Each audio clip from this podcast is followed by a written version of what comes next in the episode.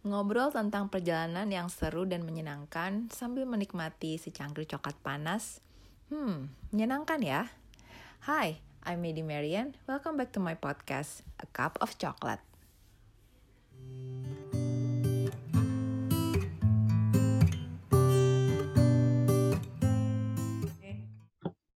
Hai teman-teman, welcome back to my podcast A Cup of Chocolate. Uh, after uh, lumayan lama nih, udah cukup satu bulan.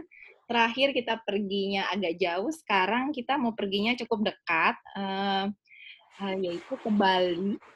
Uh, kalau teman-teman pasti udah sering ke Bali, mungkin not lately, tapi uh, Bali itu pasti biasanya destination for holiday kan. Nah kali ini aku punya teman yang uh, ke Balinya ini not fully as a tourist, mungkin partial tourist, partial enggak kali ya. nah, nah uh, gue pengen ngajak dia cerita uh, gimana sih staying in Bali tapi not as a full tourist yang mungkin kan kalau turis stay-nya berapa ya during the weekend seminggu gitu ya but I think uh, udah berapa lama Lia sekarang in total six months. Six months. Nah, oke okay, sebelum mulai mungkin uh, Lia mau memperkenalkan diri dulu, which is ini pasti uh, yang singkat ya Lia, karena kalau Lia memperkenalkan diri bisa satu A4 lebih kayaknya.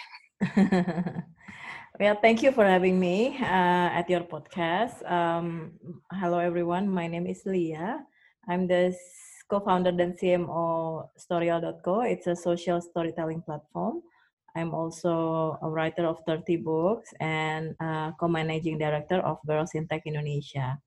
Um, I'm currently in Bali. I've been living here since March 2020. Gitu. Since March itu berarti um, pas banget kita mulai mau PSBB dan sebagainya ya Lia ya? Ya yeah, ya, yeah. actually aku udah uh, ngeliat tren gak enak gak enaknya itu dari Januari ya. Hmm. Jadi kayak udah ngelihat Cina, udah ngelihat Italia itu dari Januari.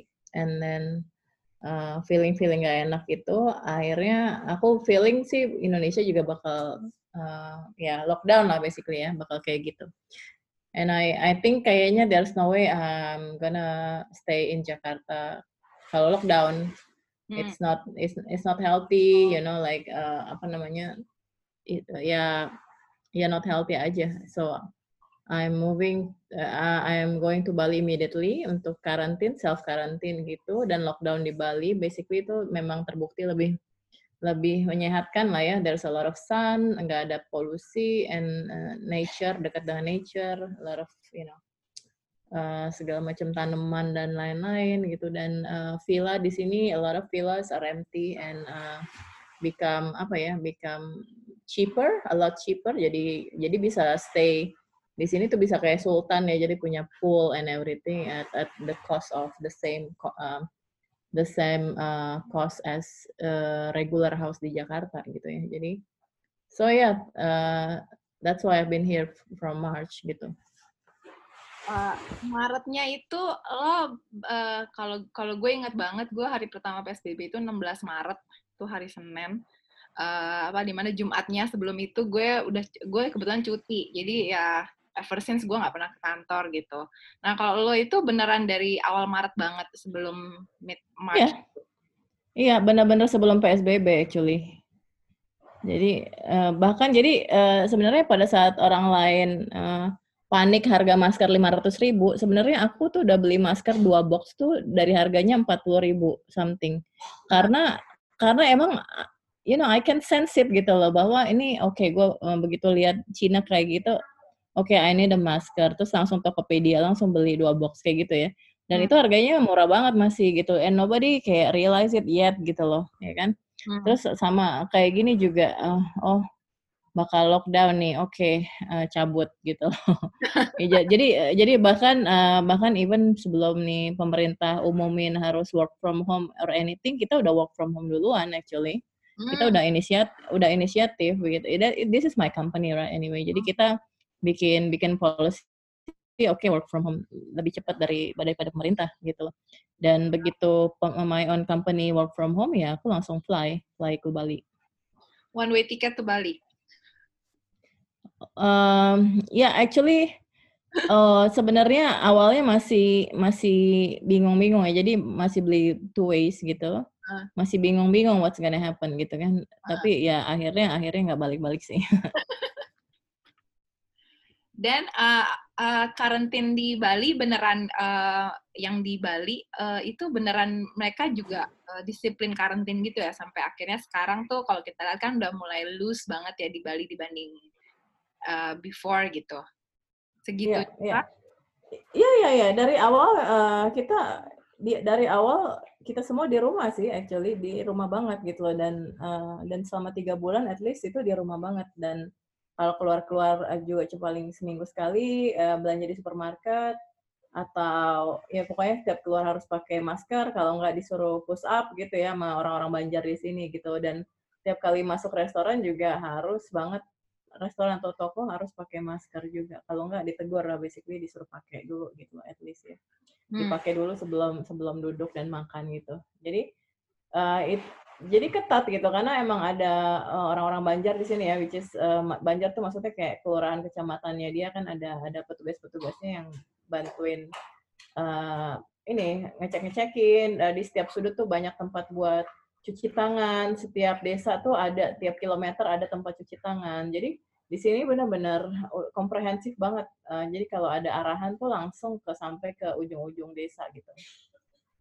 Uh, because of this uh, community based ini ya. Dan uh, as we can see because a lot of people in Bali losing their job kayak 95% lah ya tourism industri kan mati di sini ya. So um, a lot of them become you know jobless nggak ada kerjaan dan nggak bisa kadang nggak bisa makan gitu gitu dan dan di sini udah mulai uh, udah banyak sekali uh, apa namanya food bank food banknya. Jadi kayak orang masak um, uh, seribu nasi bungkus dan lain-lain untuk diberikan secara free dan itu juga disalurkan ke banjar-banjar gitu untuk disebarkan lagi ke uh -uh. jadi kayak dikasih ke apa namanya kepala desanya atau lurahnya untuk disebar lagi kalau ada yang nggak bisa makan dan stuff jadi memang dijagain banget sama komunitas kalau di sini ya. Uh, where is actually you are in Bali? So I'm currently in in Karobokan, which is uh, dekat Canggu. Um, before, for the past five months, I was in Sanur. Oh. Terus uh, next month, probably yeah, next month probably I'm moving to Canggu. Yeah, and so I'm I'm taking it monthly basis. Makanya aku bilang kayak I'm almost living like a tourist now. Meskipun I'm moving to Bali already, right? Yeah. Uh, aku sudah pindah ke Bali fully, but then but then I still I still live like a tourist as in kayak bener-bener milih tempatnya tuh yang cakep-cakep, instagramable dan dan you know ada poolnya and everything and uh, setiap bulan aku pindah kayak gitu. Jadi kayak you know experiencing different part of Bali. Tiap weekend aku jalan-jalan ke you know a lot of places di Bali kayak beachnya, beach beach atau island atau apa segala macam sih. Just exploring aja. Udah gitu pas lagi eh, nggak uh, serame normal days kan? Ya, ya, dia sama sekali nggak ada orang ya. Maksudnya kayak uh, ya if if I go for example kemarin aku baru dari Clinking Beach. Jadi Clinking Beach paling ada satu dua penjual aqua, abis itu dua orang lagi empat oh, ya. Jadi basically sekitar enam orang di pantai itu gitu something. You know, jadi kayak it's like your own beach gitu.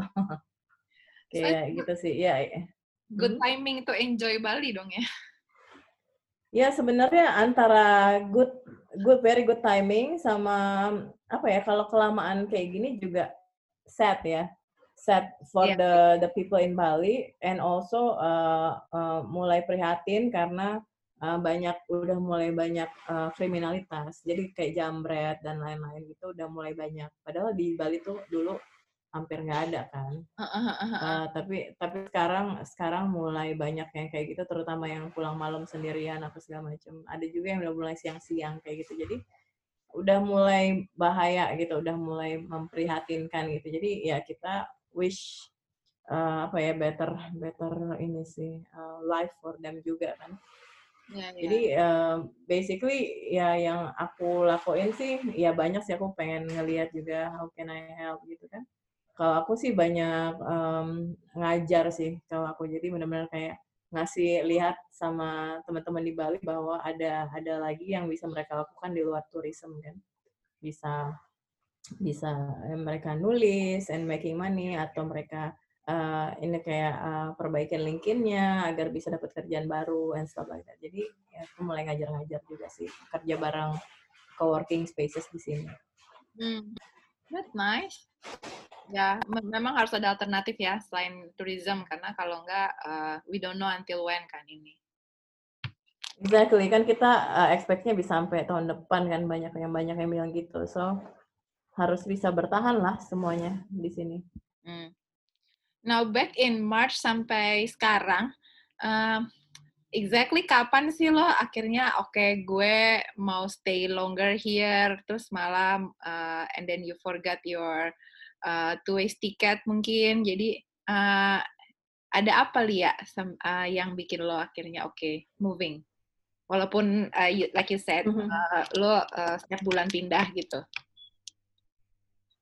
Ya, yeah, actually uh, bulan lalu sih aku baru ngambil keputusan to totally move to Bali karena since March uh, I've been keeping uh, my rents di Jakarta juga kan, jadi bayar double rent gitu. Hmm. So uh, jadi kayak aku ngelihat kondisinya kayaknya bakal not getting any better. Maksudnya kayak normal itu kayak jauh ya, masih jauh normal itu, kuatan kuat normal. Hmm. Dan um, ya aku pikir sih there's no way aku balik Jakarta sih kayak nggak ada gunanya juga sih because you know working from home juga dan ke Jakarta juga ngapain gitu loh. So uh, sekarang apalagi aku keeping dua rent lagi kan bayar bayar dua rent satu di Bali satu di Jakarta. Jadi ya udah sih aku pikir it's really common sense kayak bulan lalu aku pikir ya udahlah aku pindah aja ke Bali. Dan by when I say pindah it's basically uh, basically ya hanya nutup my rent di Jakarta, packing all my stuff and then uh, kirim ke rumah nyokap di di, uh, di Depok actually rumah nyokap. Uh, jadi semua barang-barangku dari Jakarta dikirim ke rumah nyokap di Depok. Terus ya udah itu sih yang namanya pindah menurut aku. Dan uh, dan dan I I am still here with one suitcase. Jadi kayak gue kayak tinggal di Bali hanya pakai satu koper aja gitu loh. Jadi kayak ya makanya kan kayak turis kan sebenarnya kan pindah-pindah tiap bulan. Habis itu cuma punya satu satu koper But then for me it's very liberating sih life like this. Jadi kalau tiap kali aku beli barang nih, misalnya aku beli baju baru gitu ya, hmm. nanti satu satu baju baruku, eh, satu baju lamaku harus keluar karena you know karena menu-menuhin tempat kan nanti nggak bisa nggak bisa pergi eh, pindah-pindah nanti. Jadi tiap kali beli baju, baju lama harus keluar gitu. Habis itu tiap kali beli buku, buku yang lama harus keluar. Jadi I, I allow myself to buy, sekarang aku punya sekitar hampir 10 buku ya Uh, tapi itu maksimal. Jadi kalau aku beli buku lagi, aku harus keluarin buku yang lain gitu. You know? ya, jadi benar-benar minimalis living lah. Wow, I'm so surprised in that part sih. Uh, karena aku pikir uh, apa barang-barang yang di uh, apa yang di Jakarta ada sebagian yang dikirim ke Bali gitu. Uh, not at all, not at all. Wow. Jadi aku cuma melanjutkan hidupku aja yang yang udah lima bulan dengan satu suitcase nggak apa-apa itu. Jadi if you if you see my Instagram fotonya bajunya itu itu aja ya emang karena bajunya itu itu aja. uh, not really notice sih. Jadi jadi nggak nggak semua orang nggak semua orang berasa. Iya iya berarti bagus. berarti gue nggak perlu. Jadi actually this this pandemic uh, will truly let you see what's most important kan. So ternyata uh, like for example gue di sini cuma pakai tas kanvas ya hmm. you know tas kanvas kan yang yang ya udah gitu aja gitu loh and and bag gitu you know Iya, tote bag, tote bag dan all my all my designer um, bag itu ya di Jakarta ya. Pokoknya kayak nggak kepake gitu loh. Di di Bali lo mau pakai designer bag kayak gimana gitu loh. Terus and and ya yeah, basically ya itu udah cukup gitu. Terus uh, you know nggak ternyata yang lo perlu tuh nggak nggak banyak gitu dan juga baju ya udah yang lo perlu segini-segini aja gitu loh. Eh, kalau lo bisa milihnya baju yang warnanya netral misalnya kayak gitu kan itu udah cukup gitu loh, you know. So people won't notice gitu. So um, ya yeah, jadi basically you don't need much gitu. I feel like you you understand what's most yeah. important. Berarti terbukti ya, maksudnya uh, you are my my one of my proof living. uh, biasanya gue baca kayak kayak gitu kan, gue biasanya gue baca atau gue lihat dari YouTube orang yang uh, gitu gitu. Dan apa maksudnya ya ini proven kalau itu emang emang uh, doable banget gitu. Iya iya dan maksudku uh, I I'm surprised why I why I didn't do this uh, earlier gitu loh, you know. Karena ya mungkin ini juga sekarang right timing ya for everyone kayak dulu misalnya mungkin aku nggak mungkin lakuin karena I have an office and I uh, a team kan to run in Jakarta. But now uh, since everyone's working from from home anyway and I've been working in Bali since March dan everything was smooth bahkan perusahaanku kan growing three times kan during pandemic. Jadi kayak oh, congrats. Uh, ya yeah, thank you. Jadi kayak you know like nggak ada masalah gitu kerja dari mana pun. So ya itu bring me conviction juga sama juga my probably my partners and investors juga kayak nggak ada masalah lah lu tinggal di Bali gitu ya as long as uh, work uh, jobs done gitu kan basically kan. Um, yeah so uh, so I'm I'm I'm glad that I take this decision and it's it's very apa ya it's very easy decision actually to to take. Dan banyak banget yang nanya kayak gimana sih caranya pindah ke Bali? And I was like just move gitu loh. Karena just come gitu kan. Karena ya basically cara nyari um, cara nyari rumahnya gimana sih ya gak ya cari aja karena there's a lot of places here kalau aku nyarinya dari Facebook group. Facebook Facebook group Bali Bali renting, Bali housing, uh, rental gitu-gitu itu banyak banget yang nawarin rumah murah-murah bagus-bagus Uh, jadi aku sekarang tiap hari kerjaannya tuh ngeliat-liat villa actually, lihat-lihat villa yang bagus kayak my next house ke mana di mana nih kayak gitu. Hmm. And um, ya yeah, basically gampang banget, um, very easy to to get a, a house and, and and murah gitu dan you can just move karena di sini semuanya jauh lebih murah dari Jakarta. Uh, groceriesnya lebih murah gitu, sayuran, ikan dan lain-lain tuh lebih murah. Jadi kayak I apa ya, aku bisa save 30% of my salary here daripada di Jakarta gitu ya. Jadi kayak ya uh, apalagi quality of livingnya ya. Kayak tiap sore I always go for sunset. Abis kerja aku jalan nonton sunset gitu. Terus pagi-pagi ya I can I can watch the sunrise juga. Uh, dulu waktu di sana aku selalu biking, cycling everywhere gitu. Uh, di sini banyak jalan gitu. So it's like quality of livingnya very high sih di sini. Jadi worth it banget lah. Iya lah, of course. eh boleh boleh contekan nggak Lia? Uh, uh, contekan budget dong kalau nyari rumah kayak, rumah tadi yang kayak lo gitu uh, monthly basis itu range-nya berapa? Yang ya cukup nyaman lah, nggak yang lo bisa cukup bisa menikmati gitu villa-villa. Ya, actually di sini uh, sangat lebar banget range-nya, uh, mulai dari dua setengah juta per bulan, gitu. Dua setengah dari dua setengah dua setengah juta itu yeah. dapat yang kayak apa? Um, uh, room with pool juga ada. Jadi maksudnya kayak ini room yang rame-rame ya, shared pool. Jadi hmm. kayak jadi kayak cost eksklusif lah. Misalnya di sini kayak cost eksklusif uh, dapat. Tapi biasanya di Bali pasti ada poolnya gitu. Jadi kayak dua setengah juta biasanya udah dapat dan tergantung lokasi juga ya. Jadi kalau makin dekat ke pantai biasanya makin mahal gitu ya. Dan dan aku kalau nyari tempat tuh biasanya memang dekat pantai karena because I love the beach and uh, karena gue nggak bisa naik motor, jadi kayak gue pengennya bisa jalan ke pantai gitu ya. Jadi gue selalu pilih yang dekat pantai. So it will be slightly more expensive gitu. Kayak mungkin siapin budget 4 sampai 5 juta gitu. Itu udah bisa mulainya ya mulai uh, ya, ya, karena itu uh, yang namanya budget tuh bisa bisa sampai unlimited ini, ya se ya unlimited. Semahal mahalnya juga ada di sini ya kan? Uh, so ada berarti itu kayak ya kalau di Jakarta kayak semacam cost eksklusif gitu tapi with the beach ya gitu. Iya kalau ya kalau di sini kamu bicara lima uh, lima jutaan itu udah space-nya udah gede banget udah ada garden udah ada pool uh, you know like jadi beda beda sama Jakarta. Jakarta mungkin bisa dapat cuma kamar ya kalau di sini bisa dapat sevilla gitu jadi serumah gitu Segitu. Oh, bisa dapat serumah eh, misalnya kayak rumah in with two bedrooms gitu misalnya gitu oh enggak kalau tuh two bedroom mungkin enggak kalau two bedroom mungkin mulai dari tujuh setengah Oke, okay. kalau gitu. yang tadi uh, uh, ya itu one bedroom. Uh, tadi one bedroom. Tapi rumah juga ada sih gitu. Uh. Oke. Okay. Jadi apa? Terus di sana uh, ini enggak? Ini di... kita kita kita bicara villa ya. Ini kita bicara villa. Belum bicara rumah biasa. Rumah biasa jauh lebih murah lagi. Jadi ah. kalau rumah biasa nggak ada poolnya, biasa-biasa aja lah ya rumah lah.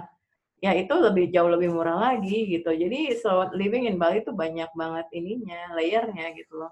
Banyak makanya aku bilang, ya makanya aku bilang aku tuh living almost like a tourist karena aku bener-bener maunya tinggal kayak di villa kayak gitu-gitu kan. Hmm. Jadi uh, karena aku live here, aku pikir might as well enjoy it gitu kan. Jadi kayak nggak nggak mau hidup kayak biasa di Jakarta gitu. So uh, di sini ya, ya I I really enjoy it gitu dengan that way. Unless mungkin kalau lo mau manage juga mungkin bisa cari yang lumayan dekat sama pantai, tapi rumah, tapi uh, lo doang, tapi mungkin nggak ada poolnya gitu ya. Itu maybe ada option kayak gitu juga ya. Jadi ya. Ada, ada. Ya ada banget. Apalagi kalau kamu bayarnya uh, tahunan ya, itu jauh lebih murah lagi. Jadi kayak there's a lot of ways to do it gitu loh. Wah, nice to hear. Aduh, wish I wish I could pack my suitcase now. ya bisa lah, kenapa enggak? Iya, iya, iya. Hopefully soon. Dan uh, tadi other than kriminal, kriminal kriminalitas yang mulai terjadi, ada lowdownnya lagi nggak lihat saat ini if you staying in Bali? Nggak ada sih. Nggak ada. Uh, ya, selain itu mungkin yang tadi lo bilang kan yang mungkin memang uh, perlu uh, new knowledge aja buat teman-teman di sana biar nggak uh, tergantung cuma tourism aja that kind of ah oke okay, oke okay. uh, paling satu hal ini sih kalau when you I think this, ini bukan soal Balinya but then this is about you moving ya kan um, when I move here kan bisa dibilang nggak ada teman kan ya so I need to make friends kan mm-hmm. jadi ya jadi kayak ada sih saat-saat di mana kayak aduh gue you know mainnya sama siapa nih gitu loh eh, kayak you know kalau di Jakarta kan banyak temen nih ke mana-mana hmm. juga maksudnya kayak aku di Jakarta ya amin dulu kan di Jakarta gue itu gimana ya uh, kerja sampai sore sore hangout tapi uh, gym hangout tapi segala macem sampai pulang jam 9 atau jam 10 malam gitu ya hmm. nah nah di Bali tuh ya maksudnya kayak kerja dari rumah habis itu and then ya basically temen kalau aku temen aku udah make friends di Sanur kayak banyak temen di Sanur and then aku tinggalin kan. Nah uh, kerobokan nih jaraknya satu jam dari Sanur. Jadi kayak aku jadi tinggalin lagi teman-temanku yang udah aku build di Sanur. Jadi di kerobokan gak ada teman lagi gitu. Jadi kayak kayak gitu ya. Jadi ada ada feeling feeling aduh gimana ya? Gue kok nggak punya teman ya? Kayak gitu. Hmm. uh, bakal bakal ada feeling kayak gitu juga sih. Tapi ya ya udah enjoy aja gitu. Maksudnya ya udah keluar aja make friends kalau ada acara ikutan gitu kalau uh, minta dikenalin teman gitu sih. Ya yeah, like you said uh, lo ikutan apa bantuin di co-working space kayak gitu, -gitu kan? Uh, uh, uh, jadi aktif aja jadi pembicara jadi people know us kayak gitu. Mm -hmm.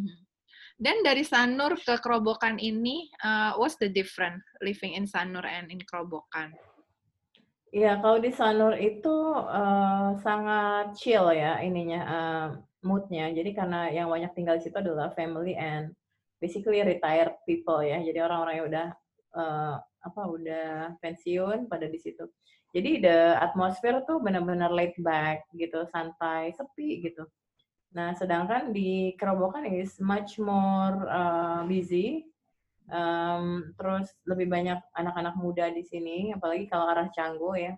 Banyak hmm. banget surfer, orang main, you know, surfer, habis itu anak-anak muda millennials dan uh, you know hipster-hipster gitu. Terus habis itu mereka yang you know bangun-bangun startup atau bikin-bikin teknologi company gitu itu adanya di Canggu semua. Jadi kayak kerobokan tuh udah mendekati situ kan. Jadi udah uh, atmosfernya udah mirip gitu loh ke situ. Lebih busy lah di sini. Dan why Sanur uh, at first place begitu lo ke Bali? Why why not? Um, ya mungkin karena ada support system awalnya di situ kan ya. Jadi kayak uh, my my good friend was there gitu. Jadi oh, kayak ya, ya, ya, ya. Uh, take that as a first step lah untuk untuk lo ya untuk uh, pertamanya lah ya baru abis itu ya, ya karena kalau kita mau pindah ke satu tempat ya kita kalau bisa nyari yang ada kayak pijakannya ya. Jadi kayak ada support systemnya lah. Meskipun nggak banyak ya tapi paling nggak ada gitu. Nah itu dulu sih. Itu dulu uh, and then get get you uh, uh, ini temanku yang kenal kenalin ke banyak orang di Sanur. Nah begitu aku punya banyak teman di Sanur oke. Okay. kemudian ya udah aku mau venture out lagi nyobain uh, tempat lain gitu. Tapi ya anytime I want to go back to Sanur bisa. Ya aku udah tinggal ke sana kan. Meskipun ya se uh, almost an hour ya to go there but then nggak ada masalah sih udah biasa di Jakarta sekarang mobilitas naik apa jalan kaki atau naik sepeda or Ya, aku dulu naik sepeda di Sanur, uh, tapi di sini aku jalan atau naik Gojek sih. Uh, jadi kayak gitu. Tapi bentar lagi mungkin aku mau belajar naik motor, jadi bisa ke sana kemari sendiri. Gitu. Yeah, after cooking dan riding a riding a motorcycle now. Wow. Ya, yeah, actually uh, awalnya aku belajar uh, renang dulu during the pandemic. Jadi selama di pandemic kan aku tinggal di Iya, yeah, jadi Iya karena aku nggak nggak bisa renang kan sampai umur segini dan Oh iya. Uh, which is ya yeah, which is 30 something terus habis itu eh, nggak uh, pernah bisa-bisa. Nah, terus selama pandemik aku tiap sore uh, renang karena di rumah ada kolam renang kan. Mm-hmm. Jadi tiap sore aku belajar renang sendiri, nonton YouTube, terus cobain, nonton YouTube cobain terus uh, akhirnya bisa, akhirnya bisa sendiri gitu. Terus habis itu aku baru belajar masak, belajar masak terus udah jago juga sekarang masak terus ya ntar lagi mau belajar yang lain lagi nih belajar belajar bawa motor uh, my next plan itu mau belajar jadi realtor sih jadi pengen jadi property agent jadi kayak karena gue senang lihat-lihat villa mungkin gue juga bisa jual-jual villa gitu ya jadi iya, kayak ya, ya seru sih kayaknya uh, it will be good hustle sih Iya ya, I mean uh, itu sebenarnya tau nggak gara-gara apa? Gara-gara gue nonton Netflix Selling the Sunset itu loh. Ah iya iya iya iya. jadi gara-gara ngeliat itu kayak oh my god, kayak seru ya. Terus akhirnya jadi pengen. Iya, iya iya iya, that, that that that's interesting. Nah uh, terakhir ya, uh, eh dua terakhir deh. Uh, after after Canggu, uh, you, you said you want to move to Canggu next month kan? Terus after hmm. Canggu. Uh, udah ngeliat-ngeliat kira-kira future future placesnya kira-kira di mana lagi walaupun still still not sure. Jadi Hmm, ya, aku ada ada kemungkinan balik ke Sanur lagi karena ada teman yang ngajakin tinggal bareng kayak housemate gitu. Mm-hmm. Terus nggak tahu deh mungkin mau nyobain Ubud juga just just because uh, you know just because gitu, just because aja. Uh, sebenarnya aku kurang gitu suka Ubud uh, ya I love Ubud, but then uh, aku kurang suka tinggal di situ karena terlalu sepi for me ya. Um, terlalu apa ya, terlalu tenang gitu loh, terlalu tenang for me gitu. I need I need some busyness. I, I like Jakarta actually sebenarnya. Dari sisi busy-nya aku suka Jakarta karena kayak has hustle and bustle itu kan. Uh-huh. Nah, uh, nah itu tuh sebenarnya paling sebenarnya kalau dilihat dari sudut itu sih sebenarnya Canggu paling cocok with me tapi juga uh, aku ada sisi-sisi uh, sanur in in in me gitu sebenarnya yang gue juga suka ten yang yang tenang-tenang juga suka so ya yeah, my friend uh, offer me to stay together kayak next next next two months ya. Jadi nanti dua bulan lagi. Ya aku bilang ya why not lah? Cobain aja. Balik lagi. And uh, but I haven't decide long termnya jadi kayak sekarang ini semuanya monthly basis so aku aku perlu pikirin dulu and then I will decide like okay maybe six months di mana atau one year di mana gitu. We'll. Uh, any chance you're going to back to Jakarta? Yeah, I mean my mother in, is in Jakarta, jadi kayak I'll be back and forth lah pasti uh, untuk visit her kan atau dia yang visit me gitu. Um, untuk untuk kayak balik-balik for good kayak you know like balik lagi Jakarta, I don't know and I don't I don't feel like I'm gonna do that gitu karena uh, apa ya aku udah hampir 20 tahun di Jakarta so I think I have enough with Jakarta gitu ya kayak udah cukup ya so it's it's time to explore another place lah to live. Jadi nanti Jakarta tuh istilahnya ya kalau pulang kampung berarti ke Jakarta ya tapi uh, apa tapi uh, dailynya yeah I live here. Uh, dailynya. di Bali pulang kampungnya Jakarta.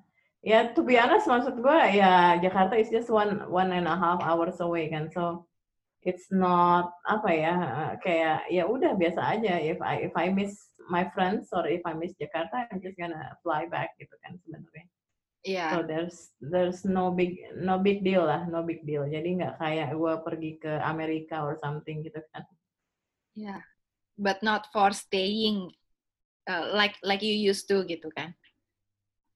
Enggak, enggak, enggak. Well, uh, ya, gue sih enggak punya plan ke situ ya. But then I don't know kan, I my life is like in flow nih sekarang, benar-benar in flow. I don't plan anything. Jadi kayak hidup hidup gue day by day itu berdasarkan atas uh, whatever come up, comes up gitu loh. Jadi uh, apa pun yang kayak kayak misalnya temen kayak itu tadi ya temen gue ngajakin tinggal bareng kayak next month di Canggu juga ntar diajakin temen tinggal bareng juga jadi kayak bener-bener kayak uh, apa yang muncul di depan gue and then I'll I'll decide whether I wanna do it or not gitu loh. And then I'll do it or not gitu kan. Jadi kayak gue nggak ada plan sama sekali nih sekarang. I don't have plan I don't have apa pun I'm just jalanin aja. But that's that's the that's the new liberty for you yeah yeah yeah. I mean yeah every, everything is uh, you know uh, liberating for me because I can do whatever I want kan basically ya kan? Gue mau tinggal sendiri bisa mau tinggal sama temen bisa mau tinggal di Canggu bisa mau tinggal di mana bisa. It's just tapi gue nggak memutuskan gitu loh ya kan? Yang memutuskan adalah the universe deciding for me gitu loh. Jadi gue tinggal gue tinggal iya apa enggak aja. Nah ini beneran terakhir. Kalau tadi gue rekap ya, kalau uh, when people want to move, ya, yeah, especially in this case uh, Bali ya, karena uh, Lia udah the experience-nya Bali gitu.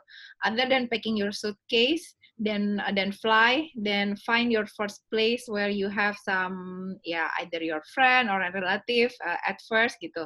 Ada lagi nggak ya anything that uh, uh, one on one for uh, if we want to move to Bali like you do? Sebenarnya sih yang paling penting adalah uh, keputusan, your decision, ya kan? The most the most important thing is what you want. Everything else is just logistics. Ya kan? Sebenarnya itu kan. Mm-hmm. Kayak lo lo maunya apa gitu loh. Itu dulu. Begitu lo tahu lo maunya apa, dan everything else itu lo, benar-benar logistik aja, checklist aja. Yang bisa lo kerjain nanti gampang gitu loh, ya kan? So, uh, kalau lo benar-benar mau ke Bali, then just just do it gitu lah sebenarnya. Just go, just uh, nanti semuanya itu bakal falls into place gitu. Gampang sebenarnya kalau kalau kamu tahu apa yang kamu inginkan. Ya sebenarnya yang paling tricky adalah eh, knowing what you want kan sebenarnya itu. Uh, kalau saran dari gue adalah banyak-banyak meditasi aja.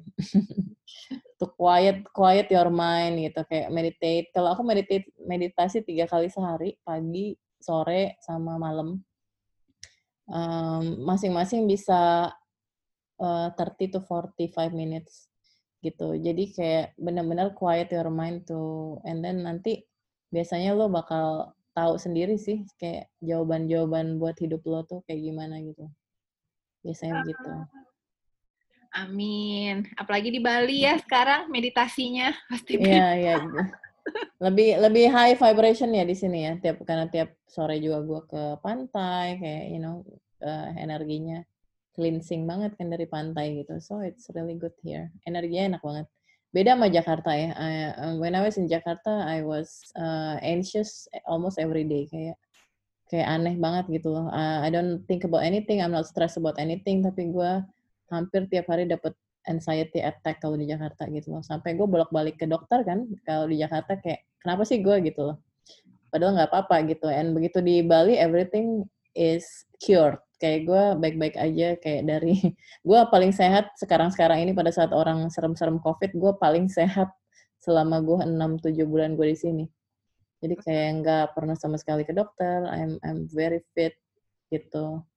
So yeah uh, it's it's it's a it's a good decision to be here see it's also good to hear uh, that you are in that very good condition. Mentally especially mentally physically ya yeah, semuanya yeah thank you thank you banget loh thank you Lia for for sharing your experience it's truly inspiring and again you are my one of my proof living for the minimalism yeah, thank you. Inspiring ya, Lia. Iya, mudah-mudahan ya. Bye. Thank you so much. Thank you, man. Bye. Thank you.